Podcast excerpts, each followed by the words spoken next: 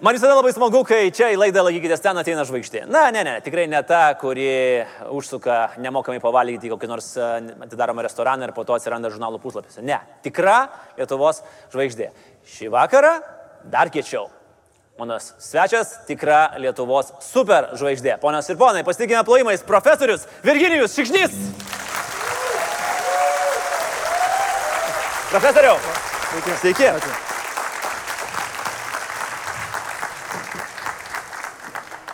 Kaip laikotės? E, ačiū gerai. Puikiai. Pirmą kartą matau žmogų, kuris laimi didžiulės tarptautinės premijas, milijonus eurų už tai, kad jis surado žirklės. Jūs suradot žirklės? Taip. Kodėl už tai moka daug pinigų ir pasaulinį pripažinimą duoda? Taip. Aš žinau, kad aš netą pasirinkau, kai stojau į VAU. Gerai, o kalbant dabar šiek tiek, po truputį perinant šiek tiek rimčiau, ar galit paaiškinti, ką jūs darot? Paprastai. Aš suprantu, kad čia turbūt yra pats nuobodžiausias ir baisiausias klausimas mokslininkui, bet o ką daryti? Galiu paklausti auditorijos, Gal... čia yra studentų? Mm. Gerai, tada pabandysiu paaiškinti. O jeigu nebūtų studentų, kas būtų? Būtų sunkiau. Hu, gerai, kad paėmėm studentų. A, tai... Ir aš taip tikėjausi. Taip, tai ką mes darom, iš tikrųjų mes kalbam apie žirklės, apie žirklės, kurį niekas nemato. Žirklės tai yra analogija ir to žirklės yra iš tikrųjų molekulės, kurios yra mėgintuvėlėje ir tos molekulinės žirklės karpo kitas molekulės, tai yra karpo DNR molekulės. Tai jeigu jūs sakot, kad žirklės surasti lengva, tai nėra taip paprasta. Einant paprastai gatve ir žiūrint žemyn, žirklių tokių netrasit. Mm, nesu bandęs, bet tikriausiai, kad taip. Gerai, o jeigu imt dar kažkokią, kažkokią analogiją, ką tas sukarpimas padaro, kokį jis turi uh, na, ar teorinę, ar, ar, ar praktinę reikšmę? E, tas sukarpimas iš tikrųjų pats, pats nieko nepadaro, bet problema yra tai, kad e, iš tikrųjų mes norim su tom žirkliam karpyti, ar tos žirklės gali sukarpyti DNR molekulę. O, o ta DNR molekulė yra, taip paprastai tariant, programa, kuri valdo mus visus. Galima sakyti, kad mes kažkuria prasme esam robotai, e, kurios valdo, kurios valdo DNR molekulė, kurioje užrašytas visas mūsų likimas nuo pat pradžios iki gyvenimo pabaigos. Ir kaip ir su įprasta programa, jeigu toj programai įsivelia klaida, tai tada programa blogai veikia, mūsų mobilus įrenginiai blogai veikia. Taip ir čia, jeigu atsiranda DNR molekulė klaida, tai tada atsiranda problemos. Reiškia, tai mes vadiname genetiniam lygom.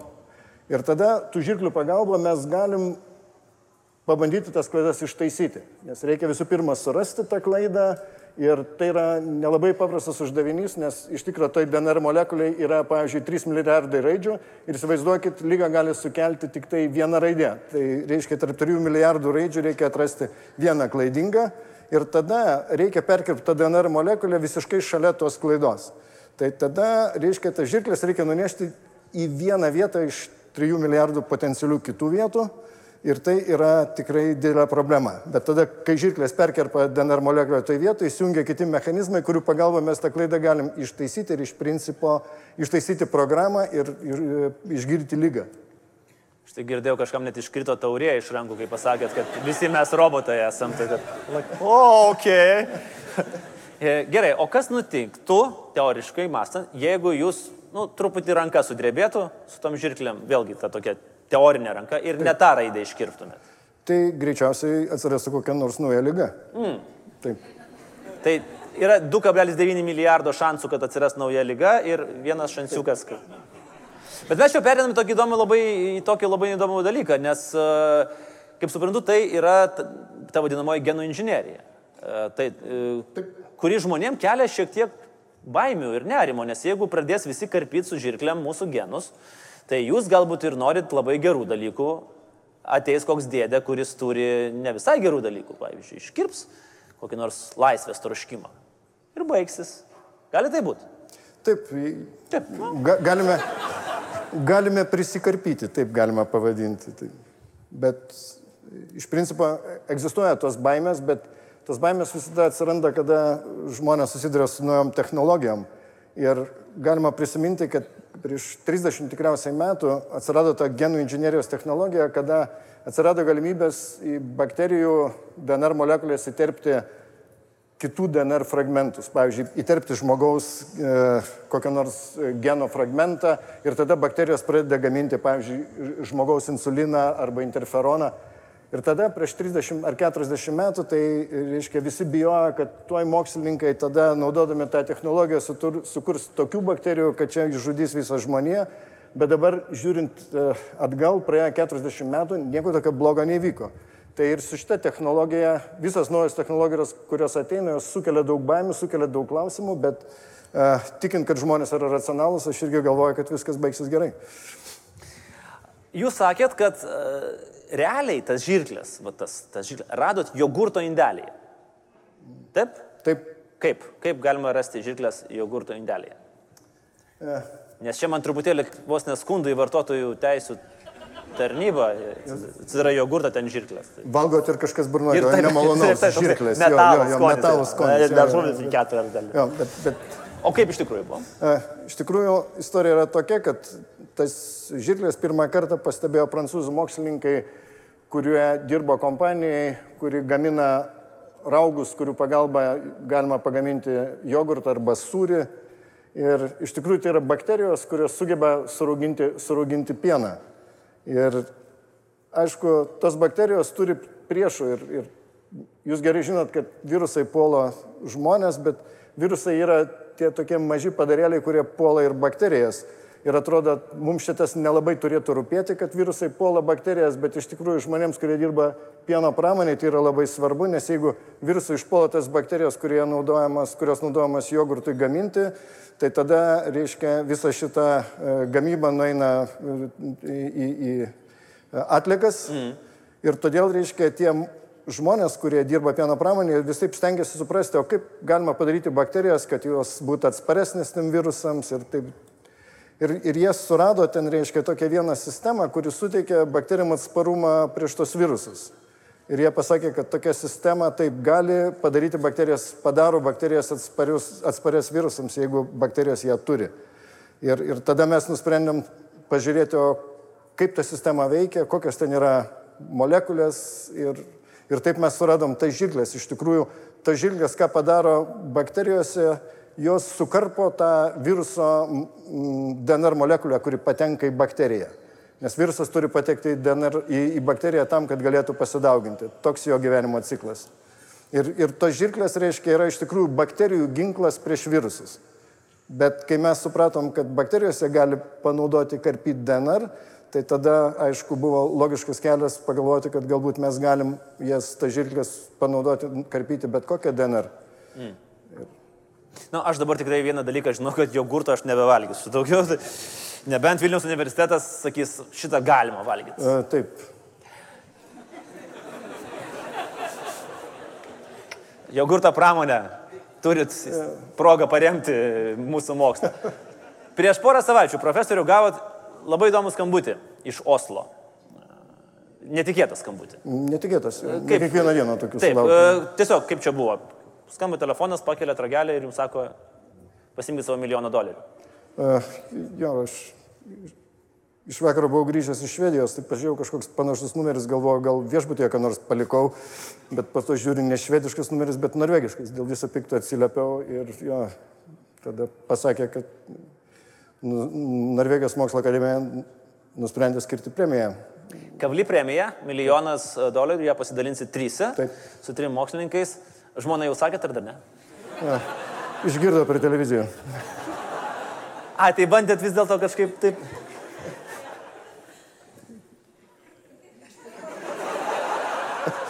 Jo, galvoju, nepatikės. Visi taip sako. O jūs šiaip praktiškas žmogus, jūs, e, ar atitinka tokį klasikinį uh, genialaus išsiblaškiusio mokslininko įvaizdį, kuris gyvena savo pasaulyje, o ten praktiniai dalykai, ten ar sąskaitos, ar pinigai, nu ten gaunu premiją milijoną dolerių, atiduodu ten, aš nežinau, universitetui ar žmonai. Ar, atiduodu žmonai. Ar... Žmonai. Ir viskas. Tai jūs toks? Jo. Aha. O tai sąskaitas kas apmoka namuose? Žmona. Žmona. Profesoriau, bet um, Kai aš pradėjau gilintis į štai šitą situaciją, kuri yra tarptautinėje mokslo, sakykime, arenoje su, su jūsų štai šitais visais atradimais, ten vyksta ohoho, kokie dalykai, nežmoniškos intrigos vyksta. Aš galbūt nežinau, ar jūs labai norėsit pats pasakoti, aš paprašysiu pakomentuoti, bet aš pasakysiu vat, ir mūsų žiūrovams, nes yra kelios grupės, kurios iš principo vos net tuo pačiu metu padarė štai šitą atradimą. Yra uh, dvi jūsų kolegės, su kuriam gavot Kavly premiją, tai yra Dudna ir Šarpentie. Tada jos atstovauja Berkelio universitetui. Tada yra MIT ir Harvardo uh, kompanija, kur atstovauja toks jaunas Wunderkindas Zangas. Ja, jis atvažiuoja į Vilnių kitą savaitę. Aha, o, gerai, kad atvažiuoja į Vilnių, ką iš čia darys? E, vyks didžiulė konferencija, 200 CRISPR technologijos žmonių susirinks Vilniuje ir čia mes svarstysim tos technologijos klausimus. O jis jums, ka, ka, jis kaip kolega, varžovas, kaip, vat, kokie yra santykiai tarp, sakykime, šitos grupės? Todėl, kad ir dar yra keltas, ir šitai šita visa grupė tarsi tarpusavėje, kokie santykiai yra? Jūs rotuojat, jūs uh, kovojat, jūs uh, bendradarbiaujat, kaip yra? Ja, visų pirma, mes esam kolegos, kurie dirbam toj pačioje srityje ir atliekam tyrimus ir uh, domimės vienu, vieni kitų rezultatais ir pasiekimais, bet aišku, uh, kadangi mes dirbam toj pačioj srityje, tai kaip ir bet kokioje kitoj srityje, jeigu yra kelios grupės arba kelios, keli žmonės, kurie dirba toj pačioj srityje, neišvengiamai atsiranda konkurencija, kas padarys geriau, kas padarys greičiau, tai moksle viskas vyksta taip pat. Mokslas nieko nesiskiria nuo, nuo kitų gyvenimo sričių. Ypatingai, kai dar atsiranda pinigai. E, todėl, kad aš kaip suprantu, praktiniai pritaikymai, patentai čia gali kalbos eiti apie šimtus milijonų dolerių, jeigu m, tos yra susidomėjęs informacija ir panašiai. Ir pirmasis patentus yra ponas Zangas už, užregistravęs. Ir jis dabar kovoja su tom dviem poniom dėl to, kas turės teisę komercializuoti šitą dalyką. Taip, ten patentų šitas, reiškia, peizažas yra iš tikrųjų labai, labai sudėtingas ir patentai ir, ir ta intelektinė nusavybė yra iš tikrųjų tokia e, visiškai kitas sritis, kuri labai tolima iš tikrųjų nuo, nuo mokslo ir, ir ten daugiausia yra sritis, kurioje dirba teisininkai. Mm. Vienas žymiausių Junktinių valstybių populiarių žurnalų Wired, aprašinėdamas štai šitą Berklio ir Harvardą, nes iš principo čia net nebe žmonės, o institucijos kovoja. Berklis prieš Harvardą ir MIT. Jūs pavadino to pamirštojų mokslininkų. Tai reiškia, kaunasi du gigantai ir šalia yra toks Virginijus Šikšnys iš Vilnius universiteto. O ten kažkur. Jo. Nu, pagal, pagal, pagal jų suvokimą. Kuris realiai yra pirmas. Tik tai jo uh, nepriėmė uh, straipsnio, per vėlai priėmė. Tokia buvo istorija. Taip, panaši istorija, bet jo, škėtas pirmumas moksliai yra dažnai apsprendžiamas uh, keliom datom. Tai, tai viena data yra, kada mokslininkai pradžioje įsiunčia straipsnį redakciją ir tada redaktorius pažiūri, o čia geras straipsnis, galiu išsiųsti recenzentams ir kad kolegos atsilieptų apie tą straipsnį arba jis gali pasakyti, pff, nelabai kas ir atsiųsti tau atgal. Tai kada, jeigu straipsnis patenka redakcija, tai redakcija ten užregistruoja, kad tas straipsnis gautas ir, ir tada yra pirmoji data, pagal kurią galima sakyti, tai yra prioritetas, nes straipsnis jau pa, išėjo iš tavo rankų, pateko į redakciją ir, ir, ir tada jis pasidaro prieinamas e, e, redakcijai. Tai, tai mes va, tas, tas, savo straipsnį išsiuntėm į redakciją pirmieji, bet e, Laimės daug ten nebuvo, reiškia, viena redakcija pasakė, kad ten, ne, mes net recenzentum nusiūsim, išsiuntėme kitą redakciją, tai jis ten kažkur ten pragulėjo turbūt ant redaktoriaus stalo labai ilgai ten. Na ir taip pat, reiškia, kol galų gale išsiuntėm tikriausiai trečią, trečią žurnalą ir trečias žurnalas po, po kelių mėnesių jį ten išspausdino. Bet, aišku, ten uh, Berkelio universiteto mokslininkams sekėsi geriau, jie ten išsiuntė straipsnį žurnalą Science, jį priėmė ir išspausdino per dvi savaitės. Tai nors iš tikrųjų jie, jie patys tą straipsnį išsiuntė porą mėnesių vėliau negu mes. Tai, tai, vat... tai čia problema yra ta, kad mes esame mažiukai. Mm. Ir, ta prasme, realiai kažkas, kažkoks profesor, profesorius iš Vilnius universiteto, kur tas Vilnius universitetas, to, to, tokia gali būti reakcija. Taip, ir aš skaitydamas paskaitas Amerikai visada paskaitas pradedu visų pirma parodydamas žemėlapį ir parodydamas, kur yra Lietuva. Kaip tada konkuruoti? Ar gali valstybė kažko prisidėti? Mm. Taip aš manau, kad aišku, Lietuva negali konkuruoti su Amerika arba kitom įsivyščiusiam technologiškai valstybėm visose srityse, nes nu, reikia pagalvoti, kad ten gal universiteto biudžetas kartais priartėja prie, prie Lietuvos, biudžeto, Lietuvos biudžeto dydžio. Tai, tai, bet žinoma, Lietuva gali konkuruoti kai kuriuose srityse, kur yra įdirbis ir kur yra iš tikrųjų jau padaryti tam tikro lygio darbai, kurie įgyja tarptautinį pripažinimą ir, ir manau, kad tokias sritis iš tikrųjų Lietuva gali rimti ir, ir reikia vystyti, nes tos sritis gali nešti proveržį. E, profesoriu, aš žinau, kad šitą temą jūs nelabai norit kalbėti. Mm. Ir aš sakiau universitetui, kad ir nekalbėsim. Tai atsiprašau, universitete. Bet apie Nobelio premiją. A. O tai nustebot, ar ne, iš tikrųjų, kokia šita tema? Vėlgi, e, aš pabandysiu išvengti tokio stebuklingo klausimo, o tai ar gausit?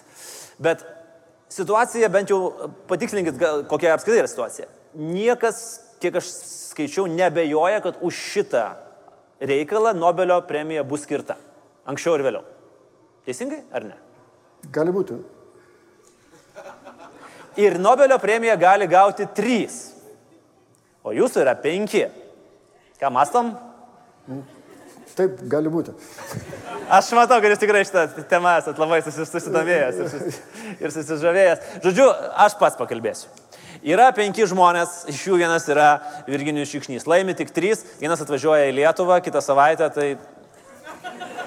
Ir sme, let's do our part, people. Gerai, juokaujam. Uh, grįžkime dar prie, prie šitų dalykų. Uh, Bet vis dėlto, nepaisant visų vat, mokslinių dalykų, startupuką pakūrėt e, šiokį tokį pernai metais, kad būtų galima monetizuoti. Kas tai yra, ką darot ir kaip sekasi? Kadangi šitoje srityje beveik visi jau mokslininkai, kurie dirba, sukūrė tos startupus, tai buvo kažkaip jau nepadoru jo, nesukurti ir atsakinėti klausimus, o kodėl nesukūrėt, tai, tai mes irgi ten sukūrėm tą startuolį tokį kuris iš tikrųjų užsiema to, kad toliau vysto tą technologiją ir, ir jo, pažiūrėsim, kaip jiems seksis. Jau aktyviai veikia ar dar tokioj mm, embrioniniai stadijoje? Embrioniniai stadijoje, nes startavom gal prieš pusę metų. Uh, profesoriau, jūs vėlgi grįžtant prie žurnalų, prie mokslinių dalykų, jūs uh, sakęs esat, kad jums rankos dreba, kai atsiverčiat žurnalą, ar kas nors neaplenkia jų dėl kažkokių tai įvairių, į, įvairių dalykų. Uh, Ir taip pat sunku, reikėtų rašyti žurnalus, bet sunku rašyti, kai negali skaityti, nes negali visko užsiprenumeruoti. Ar įmanoma šitos dalykus išspręsti Lietuvos mastu? Vėlgi, aš nekalbu apie globalinius, globalinę konkurenciją su MIT ar Harvard, nu, bet tokį dalyką, kad, sakykime, nu, žurnalus būtų galima prenumeruoti ir skaityti, arba nebijot atsiversti, kad kažkas tave aplenkia. Ne, tai aišku, įmanoma, tik tai kažkaip tai reiktų gal ten su tais mokslininkais pašnekėti, kad ten labiau reikėtų prenumeruoti, ne ten kokį nors ten ketvirtos eilės žurnalą, kurio niekas neskaito, bet tokius žurnalus, kurie yra, reiškia, žaidžia aukščiausiai lygoje. Tai, tai, bet... tai čia ne tik finansų, bet ir labiau tokio nusiteikimo yra problema? Nežinau, ten matyti yra kažkokių daug, daug problemų. Viena problema visada būna finansai, po to, kai atsiranda finansai, tai po to kažkas užprenumeruoja tokius žurnalus, reiškia, kurių ten gal ne, ne, ne visiems reikia. Koks jūs diplomatiškas? Galėtumėt būti užsienio reikalų ministras? A, girdėjau, jūs ateis sekantis pašnekovas. Taip, jo, jo. taip, galėsit pasikeisti vietom. A, kitas dalykas, profesoriau. A, į klausimą dažnai irgi klausia, klausia jūsų, vat, jūs tikrai ir Kavly premija, ir prieš tai buvo įvertinimų. Į klausimą, ar jaučiatės pakankamai įvertintas, jūs atsakėt, o ar valgydamas žemės riešutus gali pajusti, kada jau pakankamai suvalgiai? Jūs, man atrodo, nesat gyvenime prisivalgę žemės riešutų iki blogų. Na, nu, jau čia. Visada paprastai vien, vien riešutų nevalgai. Jo, kai, kai valgai riešutus, tai dar geriau reiškia, tada tas... At Suvalgyti riešutų kiekis pradeda aukti jo. Atsargiai, atsargiai, čia mes periname tokią subtilę temą. Gali jūsų ir tų, tų žurnalų prenumeratos nuplaukti, jeigu čia daug šnekėsit. Klausimas iš klasikinės literatūros. Ko jums reikia iki pilnos laimės, profesor? Jo, tas jo, laimės supratimas yra visada toks kažkoks relatyvus ir jis mm. kiekvienam žmogui gal, gal yra šiek tiek skirtingas, bet jo, Sunku pasakyti, dabar aš jau taip atėjęs tokia amžių esu, kad gal taip jau kažkokiu tai ypatingų laimės paieškų ir, ir, ir nebereikia. Džiaugiuosi tuo, kad darai savo darbą, džiaugiuosi, kad sekasi ir, ir tai yra laimė praktiškai. Ar ta laimė yra užkrečiama, tai yra ta sėkmė yra užkrečiama gerąją prasme? Tai yra, ar ateina jaunimas. Ar jaunimui yra įdomu tai, ką jūs darote? Aš kalbu apie dar ir tuos, kurie dar dabar galbūt sėdi mokyklos suolę ir žiūri didelėm akim ir sako, čia, nu, vėlgi, kadangi pragmatiški jauni žmonės, milijoną baksų gavo, realiai, už žirklės. Jo. Jo. Stoju rytoj. Rytoj, taip. chemiją, jo, jo. Yra šito, ar, ar dar nelabai? Taip, yra, yra tikrai, studentai yra, kaip aš sakau, visada labai geri, bent jau į biochemijos arba molekulinės biologijos mokslus visada ateina labai geri studentai su geriausiais pažymiais, tai tada dirbti su jais yra lengva, nes praktiškai tai yra motivuoti žmonės dažniausiai žino, ko nori. Pakanka studentų? Ar turim rimtą protų nutekėjimą šį čia? E, Studentų patenk, pakanka, dalis studentų išvažiuoja, kas yra labai gerai. Aišku, norėtųsi, kad didesnė dalis grįžtų. Tai ta tokia apykaita išvažiuojančių ir sugrįžtančių turėtų būti pusiausvara galbūt pastumta, kad daugiau būtų grįžtančių, bet tam reikia irgi kažkokiu tai, kažkokiu tai svertų. Profesoriu, visiems mes pateikėm dabar tą patį klausimą mūsų pokalbio pabaigoje. Kokią knygą, nes na, turbūt neišvengiamai nėra geresnio dalyko, apie ką galime su bet kokiu žmogum kalbėti, apie knygas. Kokią knygą jūs skaitot, perskaitėt ir galėtumėt parekomenduoti tiems, kurie mus žiūri? Tai čia pamačiau vieną pavardę, kai jūs kalbėjote apie futbolą, Suarezas, bet yra vienas knygos autoris, kuris yra Dan Daniel Suarez, tai ne futbolistas, reiškia, jis parašęs yra tokia knyga tiems, kurie mėgsta detektyvus. Ta knyga vadinasi Change Agent, tai yra išvertus į, į lietuvių kalbą, tai būtų pokyčio agentas, e, tai yra bendrinė prasme tai yra žmogus, kuris daro pokyčius organizacijose, kai organizacija nori transformuotis, bet ta knyga yra apie tai, kaip, reiškia, nusikalstamos grupės sukūrė tokį pokyčio agentą, kuris gali pakeisti mūsų, mūsų genus, kuris gali pakeisti mūsų identitetą ir taip toliau. Ir tai yra knyga detektyvų mėgėjams. Tie, kurie mėgsta non-fiction ir mėgsta kalbė, skaityti apie tai, kas bus ateityje, tai galėčiau rekomenduoti Aleko Roso knygą, vadinasi Future Industries. Alekos Rosas buvo e, Hillary Clinton patarėjas inovacijom ir jis toj knygoje, reiškia, aprašė, kas jo matymu yra perspektyviausios technologijos ateinančių 20 metų bėgėje ir ten yra kelios omikos, tai genomika, robotika, dideli duomenys. Tai yra futuristinė knyga, bet e, manau, kad ten yra labai naudingų išvalgų. Profesoriau, o kai jūs skaitot, pavyzdžiui, detektyvą apie genų inžineriją, ar jūs skaitot su pieštuku ir sakot, ir braukit, ne, ne, nu ne taip reikia daryti, ne taip, nu ką, mėgėjai. Pastebi, kad tu jau, pastebi, jo, čia nesąmonė, bet, nu, perverti puslapį ir skaitai toliau jo. Iki, įžengiam valso žingsneliu į, tik, tikiuosi, labai gražią, smagę, šiltą vasarą. Kokia bus jūsų vasara, profesoriau? Tai labai temta. Kitą savaitę konferencija, e, Liepos mėnesį, man atrodo, trys ar keturios išvykos kažkur tai į seminarus e, užsienyje, po to tikiuosi gal bus kažkiek atostogų. Tai Ką veikėt per atostogas? Skaitot knygas apie genų inžineriją? žmona liepia neskaityti, bet Žmona liepia neskaityti knygų. e, apie genų A, inžinieriją. apie genų. Jo, bet tai priklauso nuo to, kaip vasara suplanuota. Dažniausiai vasarą porą savaičių praleidžiam Lietuvoje, tiesiog kaime miškuose ir pabėgam nuo, nuo visų rūpeščių, dviračiai, miškas, ežeras, toks O žmonos, nuobodokas gyvenimas. žmonos klausot gyvenime šiaip? Stengiuosi. Labai geras, labai geras, geras dalykas.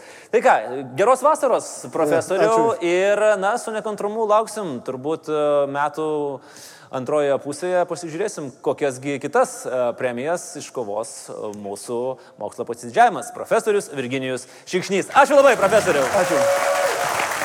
Ačiū už šį pokalbį. Ačiū. Mūsų suvenyras jums. E, ten jogurtą galima prisipilti ir gal dar ką Ponės nors- ir ponai, Virginijus Šikšnys. Ačiū.